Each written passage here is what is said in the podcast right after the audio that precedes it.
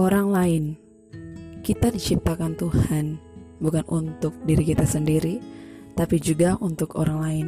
Di awal tahun ini, bangsa Indonesia dikejutkan dengan banyak berita duka seperti jatuhnya pesawat, banjir di beberapa tempat di Indonesia, tanah longsor bahkan gempa bumi yang menelan banyak korban jiwa.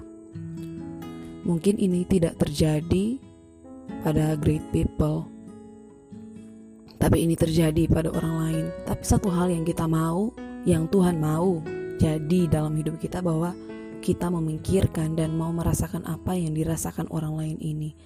Di saat kita mengizinkan bahkan membuka hati kita untuk orang lain di sanalah kasih Tuhan bahkan belas kasihan Tuhan ada dalam kehidupan kita.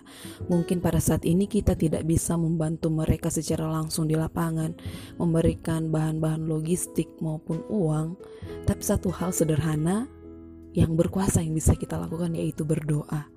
Ketika kita berdoa bagi orang lain, di sana kasih Tuhan, bahkan Roh Kudus, belas kasihan Tuhan akan bekerja dalam kehidupan kita. Kita akan menjadi berkat bagi banyak orang meskipun kita tidak bertemu langsung dengan mereka.